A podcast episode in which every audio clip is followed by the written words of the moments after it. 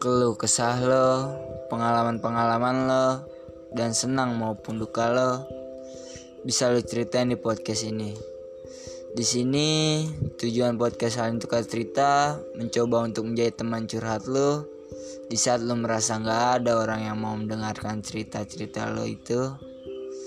Tapi gue Andika Saputra atau biasa dengan panggilan Dika siap untuk menjadi teman curhat lo di podcast Saling Tukar Cerita ini. Salam hangat Andika Saputra